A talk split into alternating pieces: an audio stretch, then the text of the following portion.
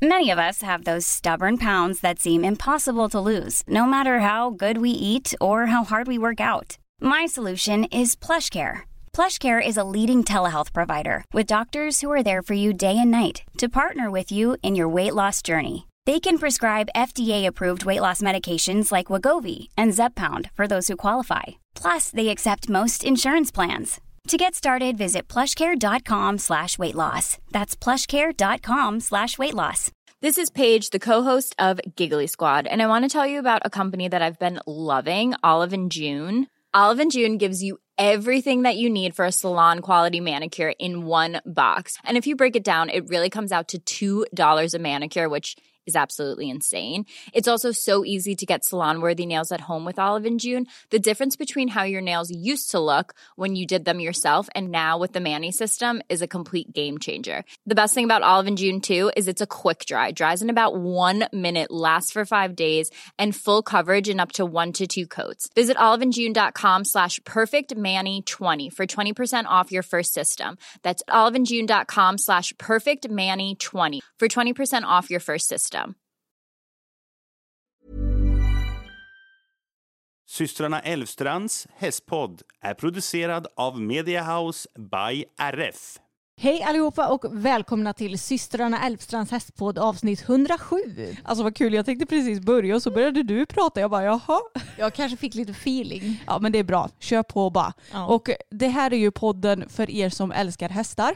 Jag och Emma vi har tre stycken egna hästar som vi rider, tränar, tävlar, gör flummiga saker med. Och sen älskar vi att diskutera olika hästämnen också. Det gör vi, men hur är läget med dig då Anna? Ja, alltså it could have been better kan man väl säga. Nej, men jag, jag känner mig ändå glad, det gör jag. För att jag har precis varit på en promenad med min lilla gamling Tage och eh, ja, den var ju lite speciell.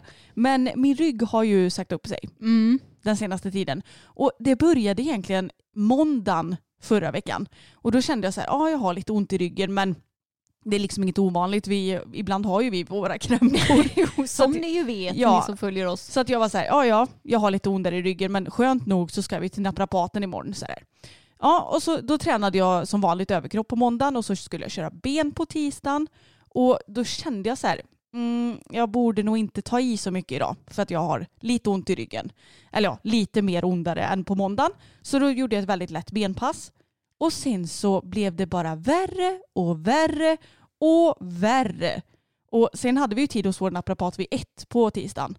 Och alltså jag trodde typ jag skulle krevera. Mm, jag vet, du var inte så kry då. Nej men jag fattar inte hur fort det kan eskalera alltså. Nej. För jag menar, hade jag haft så ont på morgonen då hade jag ju bara okej jag får skita i allt idag. Men det, jag hade ju inte så ont utan jag tyckte ju ändå att jag kunde gymma lite grann men väldigt lätt då.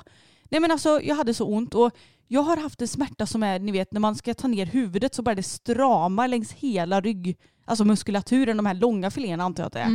Så att eh, det har inte varit kul. Tisdag och onsdag var vedervärdiga. Men eh, nu är det bättre i alla fall. Även om det inte är helt över. Och jag, det gör mig lite frustrerad. För jag är så här, ska man ha ont kan man väl ha ont då.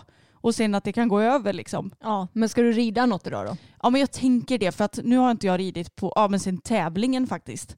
Så att jag har ju inte ridit på över en vecka nu. Nej. Vilket också känns konstigt för att det, vi är ju igång hela tiden med våra hästar i princip. Så eh, jag tänker att jag kan sitta upp och göra väldigt lätt pass. Alltså jag, jag kan ju säkert rida i alla gångarter men ingen nedsittning i traven och ingen hoppning på ett tag kanske. Bet- Betyder det att jag får låna dressyrsadeln idag då? För vi ska Ja. rida Bella och Fokus samtidigt. Det går bra. Vilken tur för mig! ja, nej men så jag tänker att, för jag har ju tävling nästa vecka också. Och då vill jag ju verkligen vara fit for fight. Så att jag, en del av mig tänker så här, nej men nu skiter vi i det, nu kör vi bara. Men en del av mig tänker också att det är ju tävling nästa vecka så jag kanske borde ta det lite försiktigt. Mm. Och jag fick ju världens supermedicin av dig också. Ja, jag fick ju antiinflammatorisk och smärtstillande medicin utskrivet för mina höfter för ett par veckor sedan. Mm. Eh, och då gav jag några till dig eftersom du hade så himla ont och det gjorde ju susen. Ja men sen så fick jag ju så jävla ont i min mage istället. Ja, det är ju tyvärr en biverkning av sådana tabletter. Så då kände jag så här, när jag hade ätit det typ i två dagar, jag bara nej alltså det här går inte. Och grejen är så här, jag, ont i mage kan man väl hantera men det var som att jag vet inte, de försökte vrida sönder mina tarmar kändes det som. Jag bara aha. Och det var inte så att bara, oh, jag måste nog gå och skita. Nej, utan det bara gjorde så jävla ont i magen. Så att jag bara nej, om jag måste välja så väljer jag då ont i ryggen snarare.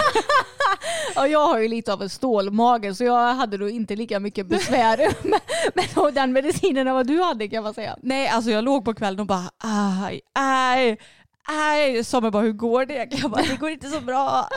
Nej, nu har jag ju också slutat med den medicinen sen några dagar tillbaks.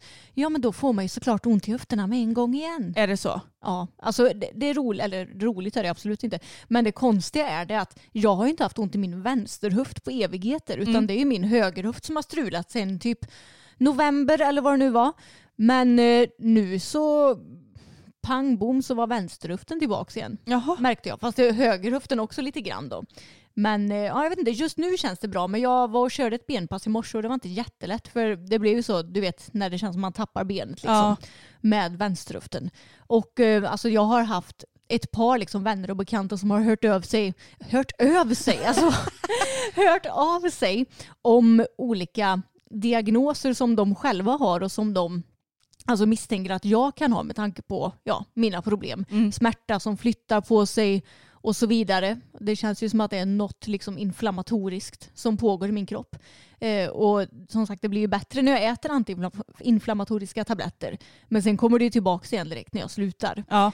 Men samtidigt så är jag så här, alltså jag orkar typ inte uppsöka vård igen för jag är så van vid att ja, men man blir liksom inte tagen på allvar av läkarna och det tar liksom mer energi än vad alltså det ger. Mm.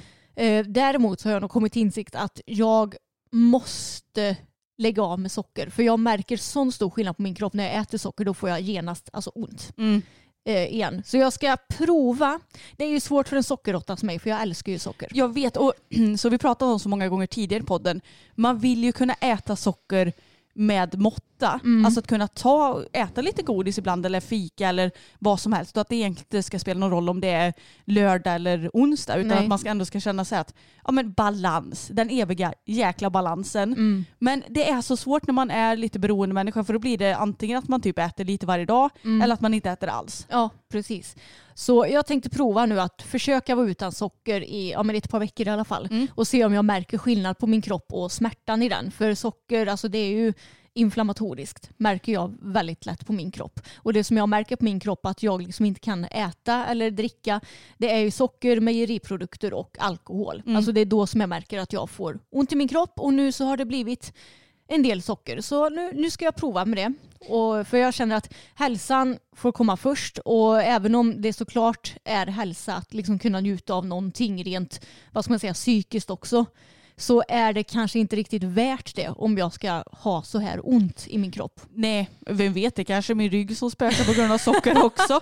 Jag kanske borde haka på din eh, lilla utmaning där. Men vi kan väl prova och se så får vi peppa varandra lite. Ja, det kan vi göra. Ja, det är inte lätt att ha sådana kroppsliga problem som du och jag har Anna. Nej, det är ju inte det. Och man kanske bara får inse att vissa, alltså jag tänker att det är ju lite som en allergi. Vissa tål ju inte laktos. Nej. Vissa tål kanske inte riktigt socker. Mm. Och det är väl vad det är. Och jag hoppas ju någonstans att man någon gång kan så här käka lite grann någon gång men att det blir typ en engångsförteelse då. Ja men precis. Och nu snackar inte jag om att det handlar om att så här, "Ja, vi måste banta. För det, det är absolut inte det det Nej. handlar om. Det handlar ju bara om smärta versus inte smärta. Liksom. Ja, exakt. Men, ja, men trots att min höft spökar lite nu så får jag säga att jag känner mig ändå i god form. Plankan går bättre och bättre. Mm. Två minuter och 20 sekunder, heja mig. Wow! Ja, så det, ja, jag känner mig alltså starkare och starkare. Och jag har börjat känna mig lite piggare nu i kroppen igen. För jag har ju klagat länge på att jag har känt mig så trött och sådär. Men ja, just nu känner jag mig faktiskt ganska pigg. Gud vad härligt. Mm. Ja, jag känner mig lite trött idag också för att jag och Samuel vi håller på och ska renovera i vårt sovrum nu. Så igår så tömde vi sovrummet på alla grejer och då ställde vi också ut våran säng i hallen uppe. Och grejen är att vi har ju så persienner och sånt där men det är ju öppet ner till trappan eller så. Och då kommer det in en massa ljus därifrån. Mm. Så det var inte lätt att sova i natt för att dels så hörde jag pannan. Vi har ju en Ja. ganska så gammal panna. Det är en jord, eh, eller vi har jordvärme hemma. Så att den låter så här. Och när den ska stänga av sig så låter det bara "Mm." och så slutar det plötsligt. Och den är precis under där vi sover, typ. Eh, Och sen så, ja, ljuset och så att man inte sover på samma ställe man brukar. Mm. Så jag har inte sovit så jättebra i natt, kanske vaknat typ tio gånger. Men eh, annars så är jag ju ändå pigg. Och jag och Tage har ju precis varit ute på en promenad med.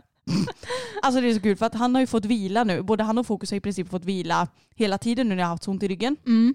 Och då tänkte jag så här, ja alltså det är ju inte hela världen, han har vilat lite drygt en vecka. Så att det är inte så att jag måste börja om någonstans. Men jag tänkte att ja, men jag behöver ändå ut och börja röra lite på mig. Promenad är ju väldigt skonsamt och bra. Då kan jag lika gärna plocka med Tage. Och det här med att gå ut och gå med hästar, jag vet inte om folk romantiserar det eller om de har bra promenadhästar. Mm. Hur känner du med Bella?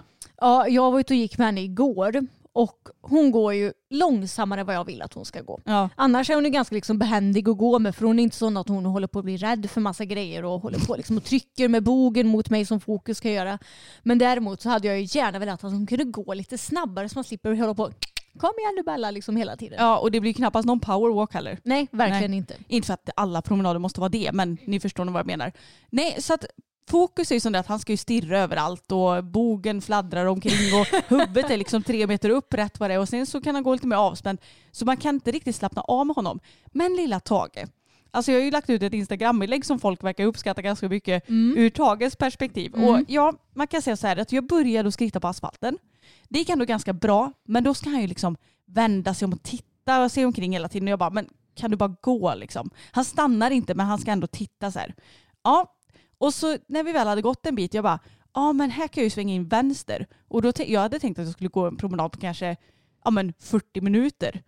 Men så tänkte jag så här, ja men mi- mitt lokalsinne det är liksom helt befriat ibland. Mm. Då tänkte jag så här, här blir ju bra, då, då kommer jag ju dit och dit och så kommer jag tillbaka på asfalten. Ja men det borde gå ganska så snabbt.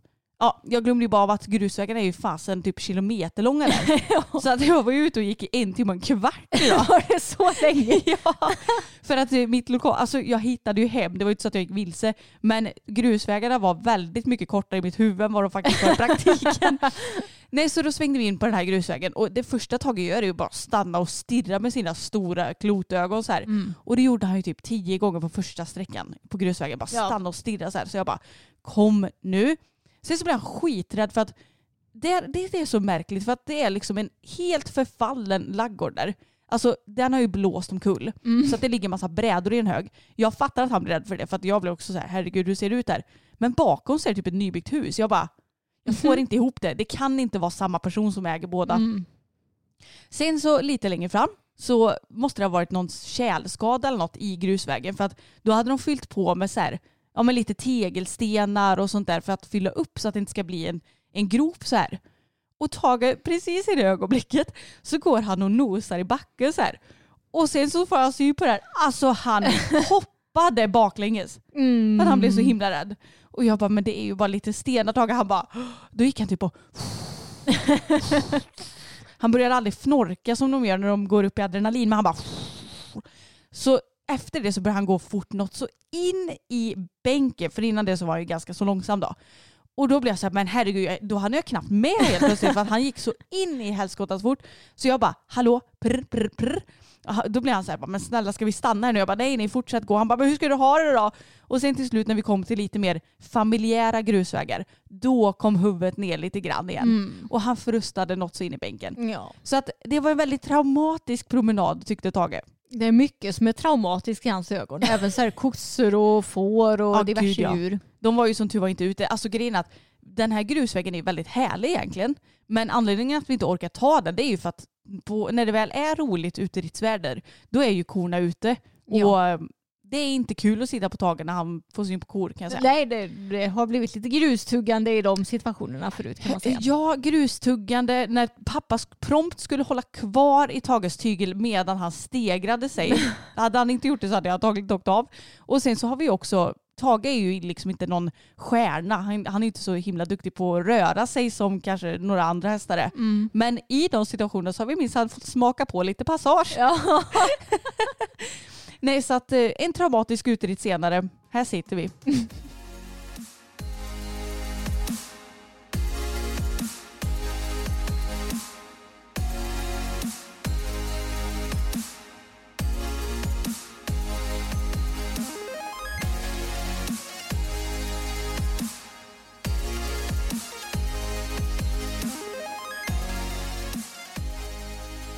Men hästarna fick ju det lite lugnare förra veckan och det var ju bra timing då med tanke på din rygg. Mm. Och Bella fick det också lugnare för de blev behandlade av sin ekiopat Kristin på Ekihälsa.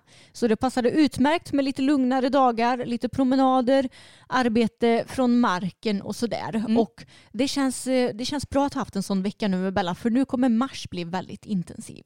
Ja, men jag, jag tycker faktiskt det känns skönt för fokus del också för att ja, men det var så roligt eftersom jag hade så ont i ryggen så hörde jag mig dagen innan till Kristin och bara Mm. det är inte så att du kan ta fokus också. Jag fattade ju om hon inte skulle hunnit det. Ja. Men eh, hon sa det, jajamän kan du bara vara i stallet vid åtta så är det lugnt. Jag bara ja ja, jag har ju inget bättre för mig nu när jag är skadad typ. Så att eh, hon kunde ta fokus också. Och det var så häftigt för att jag tycker att han har fallit ur lite i hull det senaste. Mm. Vilket jag inte riktigt fått ihop i ekvationen för att han går ju på samma foder, jag har inte gjort något foderbyte. Det är ju lite pälsfällnings och pälssättningstider nu. Så egentligen är det ju inte konstigt att det går åt mer energi och att de då Mm. kan bli lite smalare och lite mattare i pälsen just den här tiden på året. Men jag har ändå inte fått ihop det för jag tycker inte att han har gjort så tidigare år liksom. Nej och han har ju inte fallit ur någonting i muskulaturen Nej. nu heller. Precis, utan han är ju lika fyllig i musklerna som han alltid har varit. Men det är det att man ser revbenen lite extra. Och då sa Kristin att det kan bero på diafragman. Att den, hur ska man förklara att den inte riktigt eh, är lika funktionell som den brukar vara. Mm. Så hon behandlade honom och sen dagen efter jag kom ut i stallet, jag bara, jag tycker inte att jag ser alls lika mycket på hans revben. Och jag vet inte om jag inbillar mig, men det tror jag inte. För att jag har ju ändå sett hästen varje dag Jo. de senaste fyra åren i princip. Så att det borde inte vara inbildning. Nej. Och det var jättehäftigt att se att antagligen så har han väl fått någon form av spänning eh, någonstans och då blir det att han inte andas på korrekt sätt och då spänner han sig och då blir han mer insjunken i revbenen liksom. Ja, för alltså jag tycker att han har sett ut nu det senaste som att han ja, men nästan går och så här putar lite med magen som att han liksom inte använder sin core-muskulatur för Mm. att hålla upp magen. Så han får en putmage samtidigt som man ser liksom revbenen lite på sidan Mm. på honom. Och det har ju verkligen inte varit extremt på något vis. Nej. Och det, det är inte, alltså Många tänker nog att man inte ska se revbenen på en häst men Mm. det är inget farligt för att det är nästan tvärtom att man, de ska inte vara helt dolda. Nej, alltså en häst i väldigt god form ska man ju se revbenen på, i, speciellt i vissa vinklar tänker Ja, jag. Alltså om man, om man tänker på alla liksom sporthästar i toppen, de, de har liksom inget över, överblivet hull eller vad säger man? Ja men precis, för mycket hull. Mm. Nej så att eh, det är inte så att han har varit som en pinne. Det är inte så att jag har gått runt och bara men gud vad händer? Jag måste fodra på honom. Men jag undrar vad tusan det har varit. Så det känns skönt att ha fått svar på sina frågor. Mm. Och det är, alltså, jag är så imponerad av Kristin för att vi har ju använt oss av henne nu i tre år Ja, jag tror det. kanske. Och det är så roligt att följa med för hon är ju inte färdigutbildad än utan det blir hon till nästa sommar om jag inte minns helt fel.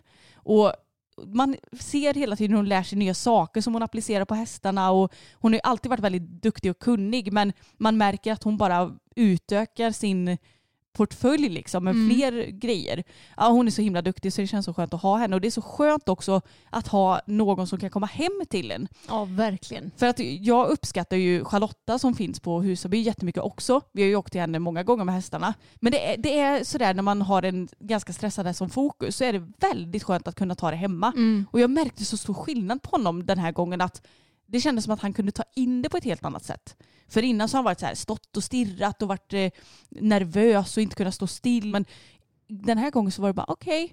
Sen så visade han ju när han tyckte det var jobbigt. För att hon, han tyckte det var jobbigt när hon höll på typ med eh, revbenen och sådär. Mm. Eh, Så då, då skulle han ju visa det och titta på henne och bara vad Ja. håller du på med och sådär. Men eh, nej, det känns så himla skönt. Mm. Härligt. Men jag tänker att ska vi kanske dra lite så här marsplanering nu med Mm. vad vi har för planer med hästarna. Och om jag börjar med Bella då så är ju hon upptagen hela tre helger i mars. Ja, det är tre, helt sjukt. tre av fyra helger. Hoppelihopp. Hoppelihopp. Det blir en riktig hoppmånad för oss. Och nu till helgen så ska vi till Alingsås på Pay and Jump på lördag.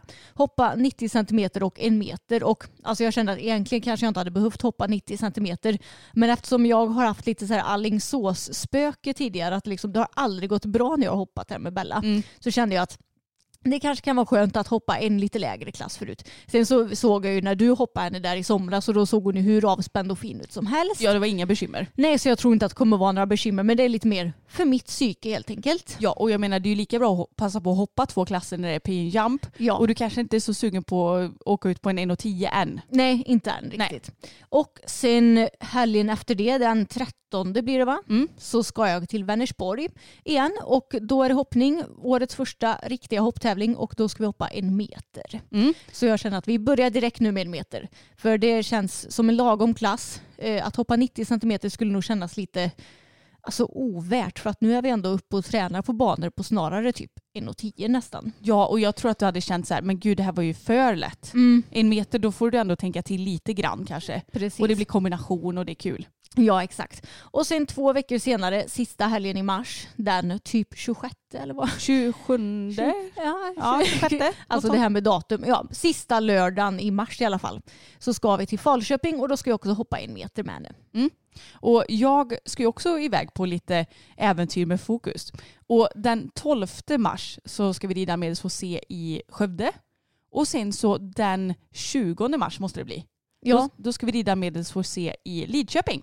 Så vi har också lite planer på gång och då innebär ju det att vi kommer ha tävlingar varje helg. ja herregud. Men som tur är så är det ju lite sådär att om inte vi känner för det då måste vi inte åka med varandra för oftast så kanske man kan få med sig Sigrid, pappa, Samuel. Alltså vi kan ju ändå hjälpas åt lite där. Ja, precis. Det Även om jag, jag tror nog att jag vill åka med på alla tider för det är ju väldigt kul. Det är ju kul men samtidigt så behöver man ju faktiskt vara lite ledig ibland också. Ja, för även om vi, vi tävlar ju för att vi tycker det är roligt och för Mm. att vi vill utvecklas med hästarna, men det blir ju jobb för oss också eftersom Ja. att vi vloggar alltid när vi är på tävlingshelger Mm. och sånt där, eller på tävlingar.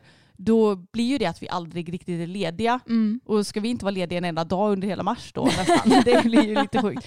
Vi kan ju också anpassa oss lite så att vi skulle kunna vara lediga en torsdag till fredag också Ja. till exempel. Precis. Så vi får väl se lite, men vi får se till att planera in återhämtning i alla fall. Ja, men det får vi göra. Men jag ser verkligen fram emot mars nu. För Ja. jag känner mig i form. Bella hon är så jäkla fin nu, så, alltså i både hoppningen och dressyren. Så jag är sjukt peppad och eh, det som jag har tänkt på nu det senaste det är också hur Ja, men vi har haft sån, sån himla otur med skador på våra hästar. Mm. Jag har haft en lång, lång skadehistorik med Bella och det hela började ju med att när jag hade haft henne i ett halvår så skadade hon sig i hagen och fick en diskskada. Och sen efter det så har ju den spökat ja, men lite grann någon gång tidigare och hon har haft lite så här, ja men det har varit lite diffusa problem som har kommit och gått i omgångar.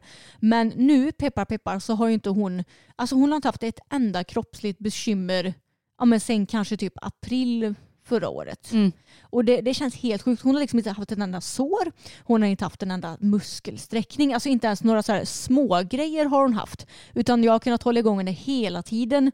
Ja, men från att hon blev friskförklarad i typ maj eller när det nu var. Ja. Fram tills nu. Och det känns helt sjukt och jag är så jävla tacksam bara över att, ja, att jag har kunnat träna henne så mycket och jag märker att hon har utvecklats så sjukt mycket också nu när vi båda två har varit friska så pass länge. Ja, det har ni, alltså ni har utvecklats jätte- jättemycket. Mm. Och jag blir ju lite avis på att din häst är så pass frisk för att ja, men mina hästar har ju inte varit lika friska. Sen har det inte varit allvarliga grejer. Det har varit någon muskelsträckning och lite sår som har spökat. Men det är fortfarande grejer som sätter käppar i Mm. hjulet.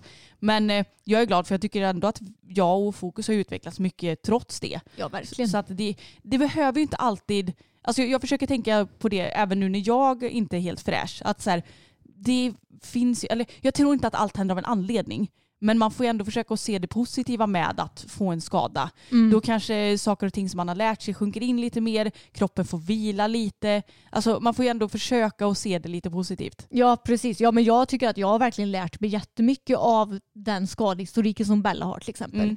Mm, Jag har fått lära mig att inte ta saker för givet. Jag har fått lära mig kanske ännu bättre hur jag behöver lägga upp träningen för henne och liksom hur, att jag kanske behöver vara ännu mer noggrann. Och, ja, men det är mycket så. Jag tror också det är viktigt, eller viktigt och viktigt, men jag tror att många kanske som har haft mycket friska hästar och så här, de tar ju lite det för givet Ja. och kanske tar sina hästar för givet. Men jag känner att jag tar verkligen inte Bella för givet och jag tar inte mitt hästeri för givet heller. Nej, man blir ganska ödmjuk kring Mm. det hela. Och, eh, ja, men jag tror att man lär sig mycket och det som framförallt du kanske har lärt dig nu det är att om hon börjar kännas minsta lilla knepig igen då vet jag att det säkert är ryggen som spökar på något Mm. vis. Och det är ju så himla guld värt att fylla på det här kunskapsbanken på olika vis. Verkligen.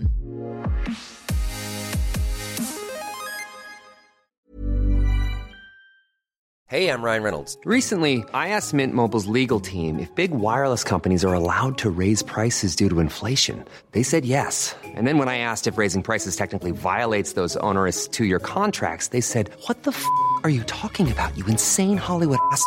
F- So to recap, we're cutting the price of Mint Unlimited from $30 a month to just $15 a month. Give it a try at mintmobile.com slash switch. $45 upfront for three months plus taxes and fees. Promo rate for new customers for limited time. Unlimited more than 40 gigabytes per month. Slows. Full terms at mintmobile.com. Ever catch yourself eating the same flavorless dinner three days in a row? Dreaming of something better? Well, HelloFresh is your guilt-free dream come true, baby. It's me, Kiki Palmer. Let's wake up those taste buds with hot, juicy pecan-crusted chicken or garlic butter shrimp scampi. Mm. Hello Fresh. Stop dreaming of all the delicious possibilities and dig in at HelloFresh.com. Let's get this dinner party started.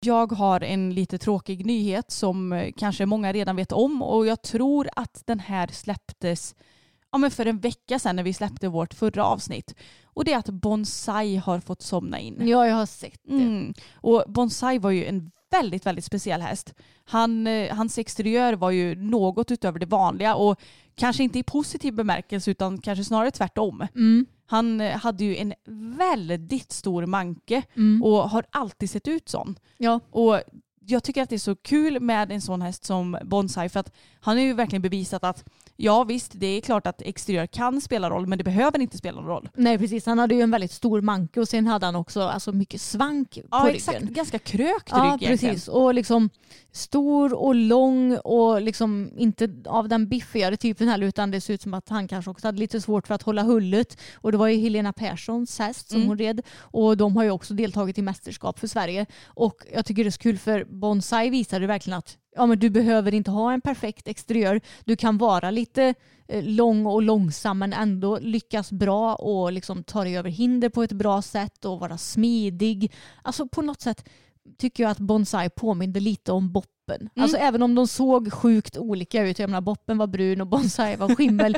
men alltså det kändes som att deras persona var ändå lite, lite detsamma. Ja men jag håller verkligen med. Och jag tycker det är så roligt också med sådana här hästar som verkligen sticker ut ur mängden på det här viset. För att det bevisar att man kanske inte alltid måste titta efter den inom citationstecken snyggaste hästen med Nej. fördelaktigaste exteriör och bäst eh, gång och sånt där. Utan jag, jag tror att många kan blomma ut väldigt mycket. Och Helena är ju väldigt duktig så att eh, Ja. han hamnade ju väldigt bra händer. Mm. Och det som jag tycker är kul är ju att Bonsai fick ju egentligen tävla alltså ända in på äldre dagar. Mm. Det var ju inte länge sedan som han antagligen gick i pension eller Nej. om han trappades ner eller så. Så att eh, vi säger vila i frid till fina Bonsai och ja, men han har ju nästan blivit som en historisk häst på något vis. Ja, verkligen. Ni som lyssnar på podden, ni vet ju om att jag har ju börjat att lyssna om våra avsnitt lite grann. För att, eh, innan så har jag varit lite sådär att nej men jag vet inte om jag vågar, jag kanske kommer skämmas för att det var sämre förr typ. Men eh, det är ganska kul. Och då vet jag att vi pratade om, eh, det var lite så här konstiga händelser som hänt på tävling. Mm. Och det roliga var att jag hade glömt av flera av dem så att det är ändå bra att lyssna på det igen för att komma ihåg saker och ting. Ja, jag kanske borde lyssna på det avsnittet igen då. Ja men gör det för det är faktiskt kul även om vissa bitar är ju såklart hemska också eftersom vi sett eh, ja, men personer slå sina hästar och sådär. Mm. Men eh, det var i avsnittet där det var en häst som, du, du sa att jag måste varit med på den här tävlingen men Mm. jag har noll minne av det här. Nej, alltså jag tänker ju att du var med på den här tävlingen för vi är ju nästan alltid med varandra på tävling. Jo, men du måste typ ha varit med vår kompis Jenny eller någonting. Ja men kan, ja, ja det kanske, jag kanske inte ens red den här tävlingen. Nej, för du, det kan ha varit när hon var med på sin häst. Ja, ja, det är mycket möjligt. Men jag vet ju vart det var och jag vet precis vart jag stod när jag såg den här Ja. händelsen också. Nej men då berättade Emma om en häst som, eh, den påbörjade ritten och så, såg väl ändå helt okej ut i början. Ja. Men sen gick det bara fortare och fortare för varje hinder som gick. Mm. Och till slut när den här hästen hade gått i mål efter omhoppning så fick hon inte stopp, eller fick personen inte stopp på hästen och råkade rida in i en funktionär. Ja, alltså det gick, alltså, tänk er en galopp som är så gott som i sken. Hon har lyckats liksom styra runt hela omhoppningen. Inte med några snäva vängar då, eh, vängar, svängar då of course, men liksom, hon har lyckats styra runt omhoppningen i världens skenfart typ. Och sen efter sista hindret så går hästen i mål kan man säga fast den springer rätt över en liten tjej som är funktionär som är flaggare. Alltså rätt över. Mm. Och som tur var så gick det väl bra med den här tjejen. Ja, det gick bra men hon blev ju tra- hon började ju gråta och sådär efteråt. Ja, det är jag. klart. Och var väldigt traumatiserad säkert. Men jag tror inte att hon alltså, fick någon fysisk skada. Men alltså, jag hade nog reagerat likadant tror jag. Ja. Det, vi har ju ändå hållit på med hästar väldigt länge men man tror ju inte att någon häst ska springa över en liksom. Nej det har ju hänt mig ett par gånger. inte med någon av våra egna ska tilläggas. Nej. Aldrig. Nej, nej men eller hur. Men det jag tycker är så märkligt bara, det är att jag, jag kan tycka lite så här, finns det inte någon gräns på hur fort du får lov att rida? Mm. Alltså antagligen så hade ju den här ryttaren ingen kontroll på sin häst. Nej. Och då tycker jag inte att man ska vistas på tävlingar överhuvudtaget. Mm. Men det kan ju också vara en engångsförteelse, det vet ju inte vi Nej. såklart. Men jag kan tycka lite så här, om det går för fort och man ser att det är helt sjukt okontrollerat, Mm. varför rycker ingen in? Ja, varför säger inte domaren till att hon får Exakt. avbryta ritten? Ja, Mm. Du, du får avbryta för det här ser farligt ut. Ja, exakt. Och nu vet inte jag om överdomaren alltså, pratade något med den här ryttaren efteråt. Mm. Men det, finns det några regler kring det här? Alltså jag vet inte. Ja, ja, precis. Alltså regler kring... Hur det- fort det får gå. Ja, och det är så svårt för jag tänker att om man ska sätta regler så måste man väl ha något liksom konkret att gå på. Ja, något det, det mätbart. här. Ja, precis. Något mätbart. Det här är inte mätbart. Man bara, du, du får det till max så många kilometer i timmen. Får sätta en hastighetsmätare på alla hästar. ja, men exakt. Nej men det funkar ju såklart inte. Men jag tänker att när, om man ser så här kroppsspråk på ryttaren, om den sitter och försöker och typ, eh, alltså få stoppa hästen, att den Ja. kanske till och med så här sågar hästens mun eller Ja. rycker eller att det ser för hafsigt ut. Man borde ju kunna på något vis sätta någon form av regel kring det. Ja, hur harmoniskt, eh, alltså att det ska se harmoniskt ut. Ja, jag tycker det är likadant tvärtom. Om det Mm. finns en ryttare som har en väldigt seg som sitter och verkligen kickar den i sidorna och fladdrar Ja, ja. med hela alltså, Mm. Det tycker inte jag heller är okej. Nej. Så du vet inte om det finns några regler kring det. Mm. Men det borde ju absolut finnas om det inte finns. Ja, jag har ju aldrig varit med om att alltså, någon domare har ingripit mm, på, på så vis. Sen så har inte jag sett så mycket dålig ridning det Nej, senaste. inte jag heller. faktiskt. Det, det känns som att det var kanske lite mer okontrollerat förr i tiden. Ja, men det är fortfarande en fråga som jag ställer mig. Hur, hur gör de om det skulle bli helt kaos? Mm. Alltså man borde ju absolut säga att nej avbryt, eh, styr in i väggen, gör vad som helst. Mm. Men eh, jag vet inte om det är så. Nej, inte heller. Och även få kanske något sorts ja, men gult kort och avstängning. För jag menar, ja, men som den här hästen som vi pratade om då. Alltså det är ju en stor säkerhetsrisk för både de andra ryttarna och hästarna på tävlingsplatsen och funktionärerna då uppenbarligen. Ja och jag tänker att om den springer så fort så är det antagligen någon form av stress för den och Mm. är en häst stressad så tänker den inte utan Mm. då gör den bara vad som alltså, kommer i dess väg. Den hade ju lika gärna kunnat hoppa ut och eh, springa till stora vägen för det är ganska, den här ridklubben är ju ganska nära en stor väg. Ja. Alltså det hade ju kunnat, den hade ju bara kunnat se svart liksom. Ja, precis. Man vet ju inte. Nej. Nej, och det är så, på tal om just det här med, med skedande hästar. Alltså jag glömmer aldrig när vi hade klubbdressyr på ridskolan Mm. för alltså, säkert 15 år sedan. Ja, just det. Minst. Och då hade vi en helt underbar häst som hette Pontus. Och han var sådär att ena dagen så kunde han vara en riktig ängel och andra dagen så kunde han hitta på lite bus så att säga. Och jag var ju livrädd för den här hästen när jag var liten. Ja, men sen gillade vi honom Sen jättemycket. älskade jag Pontus. Mm. Ja, när jag väl hade blivit lite duktigare för att han var ju lite sån att han utnyttjade ju lite vem som satt på hans rygg. Inte för att hästar tänker så men ni förstår vad jag menar. Ja.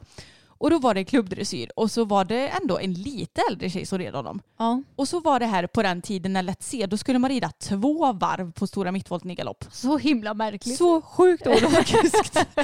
Men då så red Pontus på den här volten då. Och han fastnade liksom i den här volten. Och det gick snabbare och och snabbare. Och så till slut så säger domaren, nu kommer jag inte ihåg om hon sa att, att ta i yttertygen Ja. eller innertygen men något utav det. Mm. Och då gick han omkull. Ja. Ja, han sprang alltså så snabbt att han gick omkull hästen.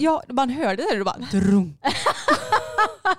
så tur var gick det ju bra med båda men alltså jag tror inte hon hade något eh, Nej. val. Alltså det var det enda sättet att få stopp på. Ja, ja, det var helt. Det är typ det sjukaste jag sett. Mm. Tänk om det hade hänt på en lokal, alltså Ja. Med eh, andra folk också. Ja, och det här var ju ändå i ridhuset så Mm. tänk, han hade ju garanterat typ hoppat ut från banan om det hade varit Ja. ute och med dressyrstaket för han var, ju, alltså, han var ju på springhumör minst sagt. Ja, det, är så, det är så gulligt minne för att det gick ju som sagt bra och Mm. ryttaren blev ju inte rädd efteråt och ingen skadade sig och sådär. Nej. Men det är väldigt lustigt, på tal om det här med skenan.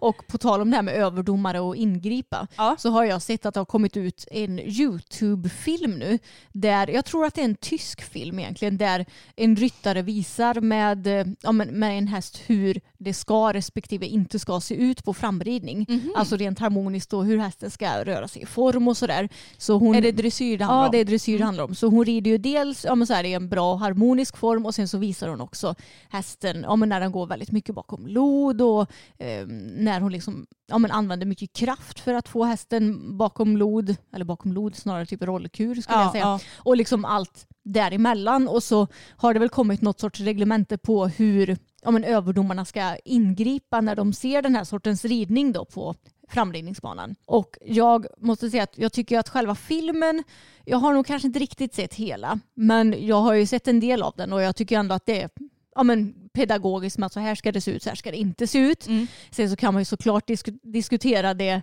eh, vad heter det etiska i att man faktiskt rider hästar så här överhuvudtaget för att visa på eh, prove a point, men det kanske också är nödvändigt. Ja, alltså det är kanske nödvändigt. Men jag funderar lite på, nu har jag ju aldrig provat, Nej. men jag funderar på om jag skulle så visa med Tage till exempel att så här ska det se ut, så här ska det inte se ut. Mm. Alltså jag hade inte kunnat få honom till rollkur tror jag. Nej men jag hade inte kunnat få Bella i det heller tror jag. Nej, möjligtvis fokus, för han är så himla spänstig i sin hals. Ja, han, Men- han är ju kanske inte så alltså, väl grundriden från början. Eh, Fokus nej. Nej precis, han är nog riden alltså, ganska så rejält bakom lod i Holland kan jag Ja, tänka mig. det tror jag också. Men jag, jag funderar mest på hur får du en häst som inte är tränad Mm. till rollkur att faktiskt gå i rollkur? Ja, det är det jag tänker också. Alltså då tänker jag att man kanske, ja men det, vi rider ju inte på kandar heller Anna. Nej, det är sant. Det är Eh, kanske... eller, eller med något liksom häv, hävstångsbett. Nej. Då blir det lättare. Ja, det är sant. Det kanske det är. Eh, Vi får testa. Ja men precis. Testade rida i rollkur. Det hade blivit en väldigt populär video.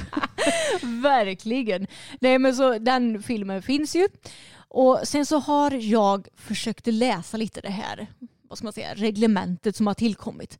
Men det förstår jag mig inte riktigt på. Och jag, jag ska välja att säga att jag orkar liksom inte gå in och läsa nu vad det står. Men jag vet att jag, när jag läste det så reagerade jag på att det verkar som att det ska krävas så jävla mycket för att en över, överdomare ska liksom kunna stänga av någon. Jaha. Utan det är så här, ah, ser du att hästen går så här dåligt, då ska du kolla på den hästen och se hur länge den går. Så om den återgår till att gå i det inom stationstecken normala. Eh, och sen så eh, ja, är det så här, ah, men om den fortsätter gå dåligt då ska du säga till den. Om det inte blir någon eh, åtgärd då ska du säga till den igen. Alltså det var liksom så här, det, det to- tar så lång tid innan överdomaren ska göra någonting konkret som faktiskt hjälper hästen. Ja, och jag fatt- fattar vad du menar. Mm. Och jag förstår väl i och för sig vad de menar i det här också. För att alla kan vi ju ha så här ögonblick där hästen går som en riktig potta skit för att den Mm. eh, viftar bort en fluga eller eh, den blir rädd för något. Alltså självklart. Men det låter ju väldigt konstigt att man ska behöva få flera tillsägningar innan det faktiskt blir någonting av ja, det. exakt. Så det var det som jag reagerade på, att det skulle ta så himla lång tid innan, om man säger ryttaren blir avstängd till exempel. Mm. Och det, då känner jag bara, ja visst det är jättebra att det finns ett sånt här, ja men en film som visar och ett reglemente, men för tusan har vi inte kommit längre än så här att, att det ändå ska liksom kunna gå lite snabbare och för hästens skull. Mm. Och inte bara nu ska vi ge den här ryttaren så här fem chanser att förbättra sig. Nej, rider du på det här sättet då får du väl ja, men, träna liksom hemma så att hästen kan gå på ett bra sätt och sen får du väl komma tillbaka och tävla igen sen. Ja. ja, jag kan ju köpa med en tillsägning max. Liksom. Ja, men då ska det inte vara så här, ah, nu ska vi se, nu har ryttaren ridit i tio minuter på det här sättet Ja. och då säger jag till henne. Nej, alltså alla kan ju ha liksom ögonblick kanske så här, några, ja men säg en halv minut kanske där hästen inte går så bra av någon anledning. Men om hästen går konstant i liksom så fem minuter jättemycket bakom lod och ser jätteobekväm ut, alltså då ska den inte vara på tävling om den är så obekväm. tänker jag. Nej, nej, jag håller verkligen med.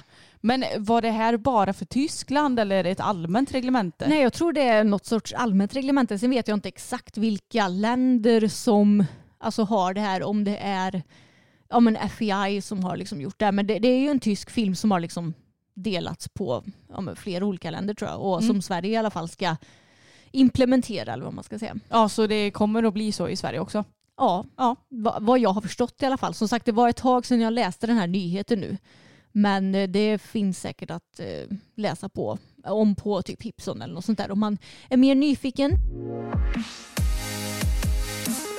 Jag såg att Hipson la ut en artikel om att eh, Enköpings ridklubb förra året förde in en viktgräns på sin ridskola och de har ja, lagt upp en liten uppföljningsartikel nu. Och eh, jag kan ju alltså försöka sammanfatta det hela lite grann. Och det handlar om att eh, Enköping har infört en viktgräns på max 90 kilo för ryttare, alltså för ridskoleryttare som ska rida på ridskolan. Och eh, beslutet att införa den här gränsen det grundade sig i att eh, ja, men det var få av ridskolans hästar som var viktbärande. Mm. Och i början så var det ja, men typ, kanske fem elever som reagerade kraftigt på att det här beslutet infördes. Och eh, det verkar som att det var några som var tvungna att sluta rida också för att de då vägde över 90 kilo antar jag.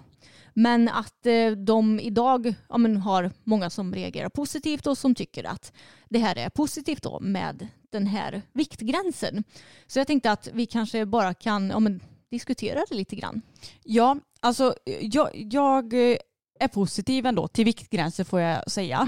Det är ju ändå för hästens välfärd och vet eh, ridskolan med sig att ja, men vi har inte hästar som tål mer och så här, då är väl det det klokaste man kan göra för hästarnas skull. Men sen så finns det alltid lite två sidor av ett mynt att jag förstår att det kan vara sårande för de personer som inte håller den här viktgränsen såklart. Och för min del så som försöker hålla mig ganska långt bort från vågen så är ju just det här med att väga sig en ganska jobbig och laddad grej. Så det är väl mest det som jag känner själv att jag hade tyckt varit jobbigt liksom. Ja, och jag känner också rent konkret att har de typ en våg på plats så att ryttarna får väga sig innan de ska rida eller hur, hur ser man till så att den här viktgränsen hålls? Alltså ifall de ser någon ryttare som, där de tänker att ah, du ligger nog lite på gränsen. Får vi ställa dig här på vågen innan du ska rida? Ja men det är kanske så och som sagt jag tycker inte att det är något negativt alls med en viktgräns för att det är ändå för hästarnas skull. Men jag vet inte, det, Ja, för oss som har varit så här att ah, du ser ut att väga mycket mindre än vad du egentligen gör och du väger du så mycket, då, då blir det lite så att man blir liksom sållad till en grupp som får väga sig då. Jag Ja. vet inte. Nej men precis och jag tänker att eh, alltså det här med att ha en generell viktgräns tycker jag kanske egentligen inte är någon god idé för alla hästar de alltså, tål ju olika mycket vikt. Det finns ju många stora hästar, kanske lite mer, ja, men som är lite grövre, lite mer kallblodsaktiga som ändå tål att eh, ja, men bära en ryttare som väger över 90 kilo. Men det verkar inte som om de hade någon sån häst på ridklubben då. Och jag menar, det, det är ju, det blir ju alltid känsligt och svårt när man pratar om vikt. För som vi har pratat om så många gånger att ridsporten måste vara inkluderande. Och då tänker jag också att det är ju bra om ridskolor faktiskt har hästar som också kan bära lite större ryttare. Ja och man, man fattar väl ändå lite själv att det inte kanske finns hur många olika hästar som helst att rida då. Men det är ju kul om det finns någon. Ja, precis. Men något som jag också funderar på om man har satt en viktgräns på 90 kilo. Mm. Det är också det där att hur bedömer du då hur mycket DCB-ponnyer klarar av? Mm. Eh, Ser man på ryttaren så att ja, men det ser ändå professionellt ut, du kan rida den här ponnyn. Mm. Eller har man även viktgränser på dem? Ja, det är lite det som jag tycker är, blir lite knasigt när man har en sån här generell viktgräns. Mm. Att man borde ju snarare ha det för liksom respektive häst eftersom alla hästar är ju så individuella. Och jag vet att när du och jag gick på ridskolan Mm. då fanns det inga viktgränser utan däremot så hade ju ridlärarna ja, men koll på eleverna och alltså såg vilken häst som respektive elev skulle kunna rida. Alltså jag började ju till exempel rida när jag var, jag skulle fylla 11 tror jag. Ja. Och var ju liksom ingen smal person så det var ju inte så att jag fick rida A och B-ponnyerna. Nej, Utan- du, du fick aldrig rida, no- eller du redan aldrig typ någon gång? Ja, utan jag fick ju börja rida på typ C-ponnysar direkt. Ja. Och jag menar, det, det var ju okej men ridlärarna får ju ha koll på hur eleverna ser ut och vad som kan vara proportionerligt för respektive häst. För hästarna ska ju inte behöva lida och jag menar det är inte heller någon mänsklig rättighet att rida heller. Så är det ju. Sen så är ju 90 kilo det är ju egentligen en vikt som absolut inte behöver innebära övervikt heller. Nej. Jag menar det finns ju många som är runt eh, 1,90 långa och rider och jag menar då är inte 90 kilo någon konstig vikt på något vis. Nej. Och jag tänker också på vår ridskola så var det ju lite så att ja, men jag kunde rida A och B-ponny för jag var ju yngre än vad du var. Mm. Obviously för att jag är ju lilla syster. Ja. och jag kunde ju rida B-ponny jag tror ändå jag kunde rida B-ponny tills jag var 12-13 och sånt där innan Mm. jag blev ja, men både för lång och kanske lite för stor också. Mm. Men då blev man ju plötsligt bara inte tilldelad de hästarna. Nej. Och då fattade man ju att ja, men jag är ju för stor. Mm. Så att det var inget konstigt med det. Nej. Men vi hade ju inga viktgränser och jag tror inte att det var någon häst som gick med en för tung ryttare. Nej, Nej det, det kan inte jag minnas att det var heller någon Nej. gång.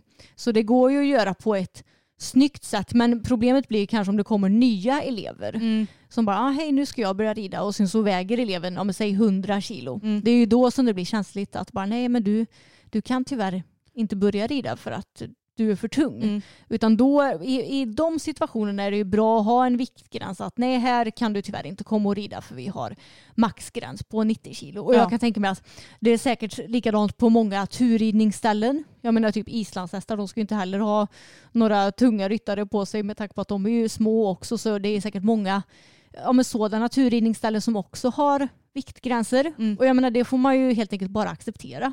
Ja, Nej, men, så ni förstår att vi tycker ju ändå att det är en god idé samtidigt som Ja, men det, det finns alltid två sidor av ett mynt som jag sa förut. Att Mm. det, det kan bli känsligt i vissa avseenden. Men samtidigt så är det så här, det kanske man ändå får ta för att det är ju ändå för hästarnas bästa. Jag Mm. vet inte. Jo men precis det håller jag med om.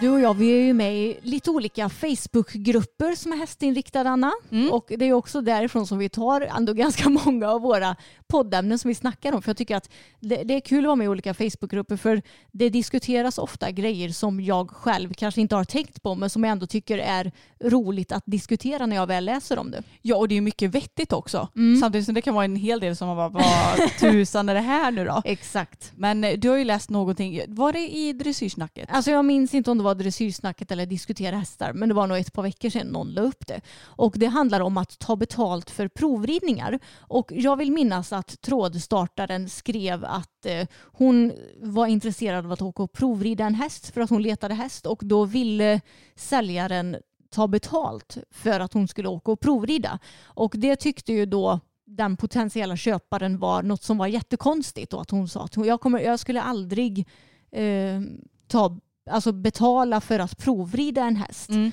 Och eh, har ni varit med om detta förut? Typ. Och så var det väldigt många olika sorters kommentarer. Och nu var det ju ett tag sedan som du och jag köpte hästarna. Mm. Och vi har ju aldrig betalat för att provrida någon häst. Nej. Men hur är din tanke till det hela? Skulle du kunna tänka dig att betala och som säljare skulle du kunna tänka dig att ta betalt? Lätt. Mm. Alltså jag, jag, det här är typ det vettigaste jag hört på flera år känns det som. Mm. Nej men alltså så här, jag som privatperson kanske inte har så mycket att säga till om. Det, det kanske vore lite konstigt som privatperson att ta betalt. Jag vet inte. Mm. Men samtidigt så är det så här, det, det, det är så ofta man hör det här. Och vi har ju haft, vi har en kompis som har bedrivit lite hästförsäljning och sånt där och Mm. har hört så mycket historier från henne. Och då är det så här att ja men många bokar in för att komma och provrida och antingen så är de egentligen inte intresserade av hästen överhuvudtaget utan vill bara typ komma och provrida lite eller så dyker de inte upp. Mm. Och det är så ofta som folk inte dyker upp och det undrar jag, alltså vad tänker de personerna med? Ja, alltså det är så himla respektlöst. Mm. Och jag menar den som säljer hästen då har den lagt sin tid på att vara i stallet då och jag menar det man inte tänker på att det är att den personen, om den nu jobbar med hästar, då jobbar ju den under den tiden. Så Mm. jag tänker att det är väl klart att den ska få betalt för sitt jobb. Ja. Och jag tycker inte det är något konstigt att ta betalt för att provrida för jag har ju läst i den tråden nu som jag pratade om att det verkar som att det finns en hel del personer som alltså åker och provrider hästar bara för att få, få rida. Ja. Alltså att de kanske inte har någon häst, de kanske inte har någon medryttare utan då åker de runt och provrider hästar bara för skojs skull. ja, det är ju det sjukaste jag har hört. Och Ja. det är ju ändå hästar.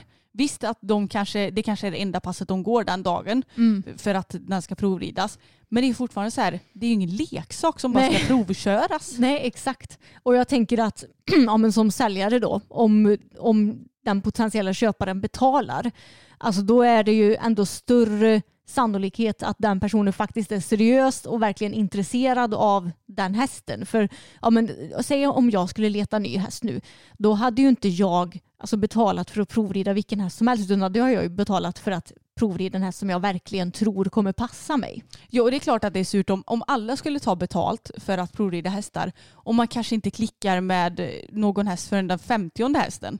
Då är det klart att det är jättesurt och en massa pengar att lägga ut. Men samtidigt så tycker jag det är så vettigt för säljarens skull att då får den ändå, om, om du nu inte skulle dyka upp som köpare, ja men då får jag ändå ja, men lite betalt för att den skulle kommit men det blev inte så ändå. Ja, precis. Det bästa är ju kanske ja, men för säljarens skull att den potentiella köparen får betala den här provridningen i förskott och att man liksom bokar in den här tiden då. Precis som om du skulle boka in en ridlektion. Liksom. Ja, eller tävling. Ja, eller tävling. Då betalar du i förskott. Och så såg jag också att vissa säljare, ja men de har att man ska betala för provridningen men sen drar de av den summan på själva köpesumman för hästen sen om man köper hästen. Mm. Det är ju superbra ju. Ja, och jag menar man skulle ju kunna göra som någon form av vad heter det när man tar betalt och får tillbaka provision? Nej, inte provision.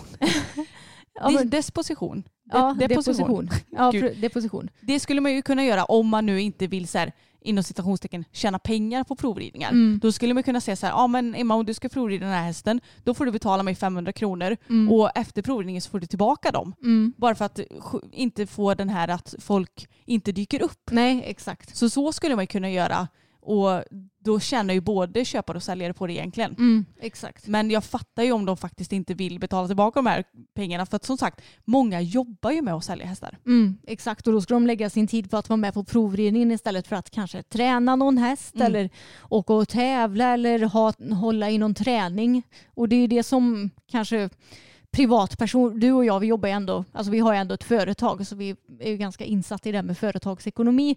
Men privatpersoner tänker ju kanske inte på det sättet. Nej. Utan de tänker att ja men nu ska jag köpa den här eller nu ska jag åka och titta på den här hästen och då har jag all rätt i världen. Jag ska ju liksom inte betala någonting för Mm. mig. Och det är ju min tid jag lägger på det här också. Alltså du förstår vad jag menar. Men vet du på ett ungefär hur mycket den här personen tog i provridningsavgift? Alltså jag tror det var typ 300 kronor kanske. Ja. Så det var inte mycket. Nej det tycker jag ändå att man kan betala. Det är Mm. en grej om det blir flera tusen såklart. Ja. Men eh, 300 kronor det är ju en dressyrstart typ. Ja, men exakt. Men man kan ju sammanfatta det som att det var ju ganska så delat läger. Det var ju Mm. många som bara, jag skulle aldrig betala för att provrida och vissa som tyckte att det var en toppen idé.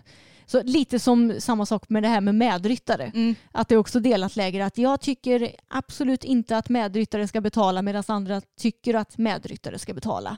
Och det är egentligen två frågor som det inte finns något rätt eller fel på.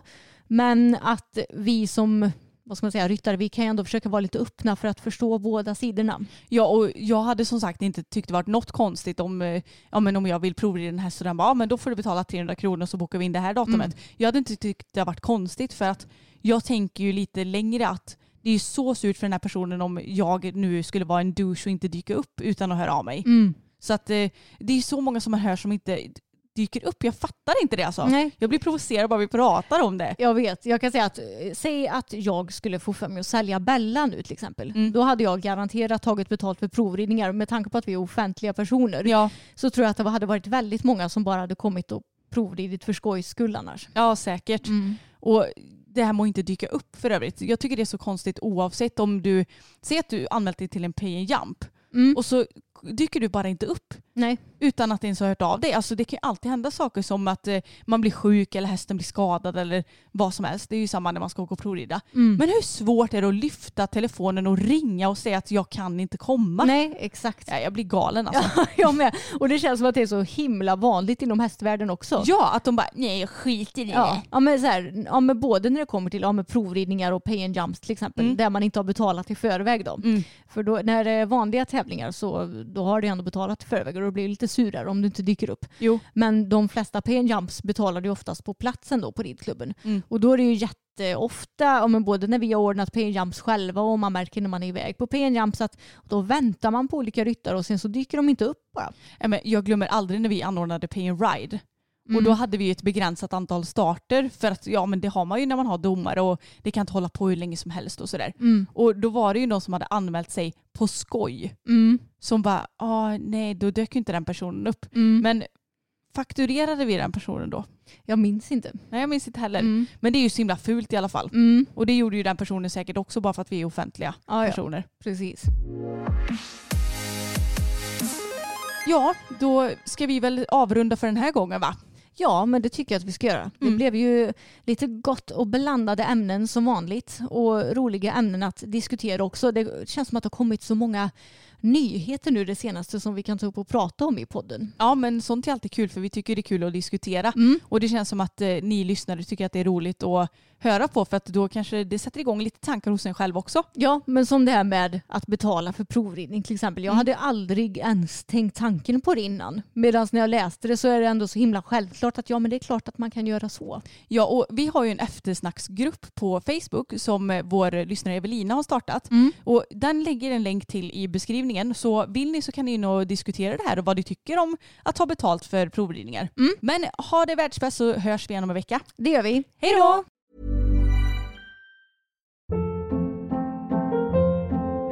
Hold up. What was that? Boring. No flavor. That was as bad as those leftovers you ate all week. Kiki Palmer here, and it's time to say hello to something fresh and guilt-free. Hello Fresh. Jazz up dinner with pecan-crusted chicken or garlic butter shrimp scampi. Now that's music to my mouth. Hello Fresh. Let's get this dinner party started. Discover all the delicious possibilities at hellofresh.com. Imagine the softest sheets you've ever felt. Now imagine them getting even softer over time. That's what you'll feel with Bowl and Branch's organic cotton sheets. In a recent customer survey, 96% replied that Bowl and Branch sheets get softer with every wash. Start getting your best night's sleep in these sheets that get softer and softer for years to come. Try their sheets with a 30-night guarantee. Plus, get 15% off your first order at bowlandbranch.com. Code BUTTERY. Exclusions apply. See site for details.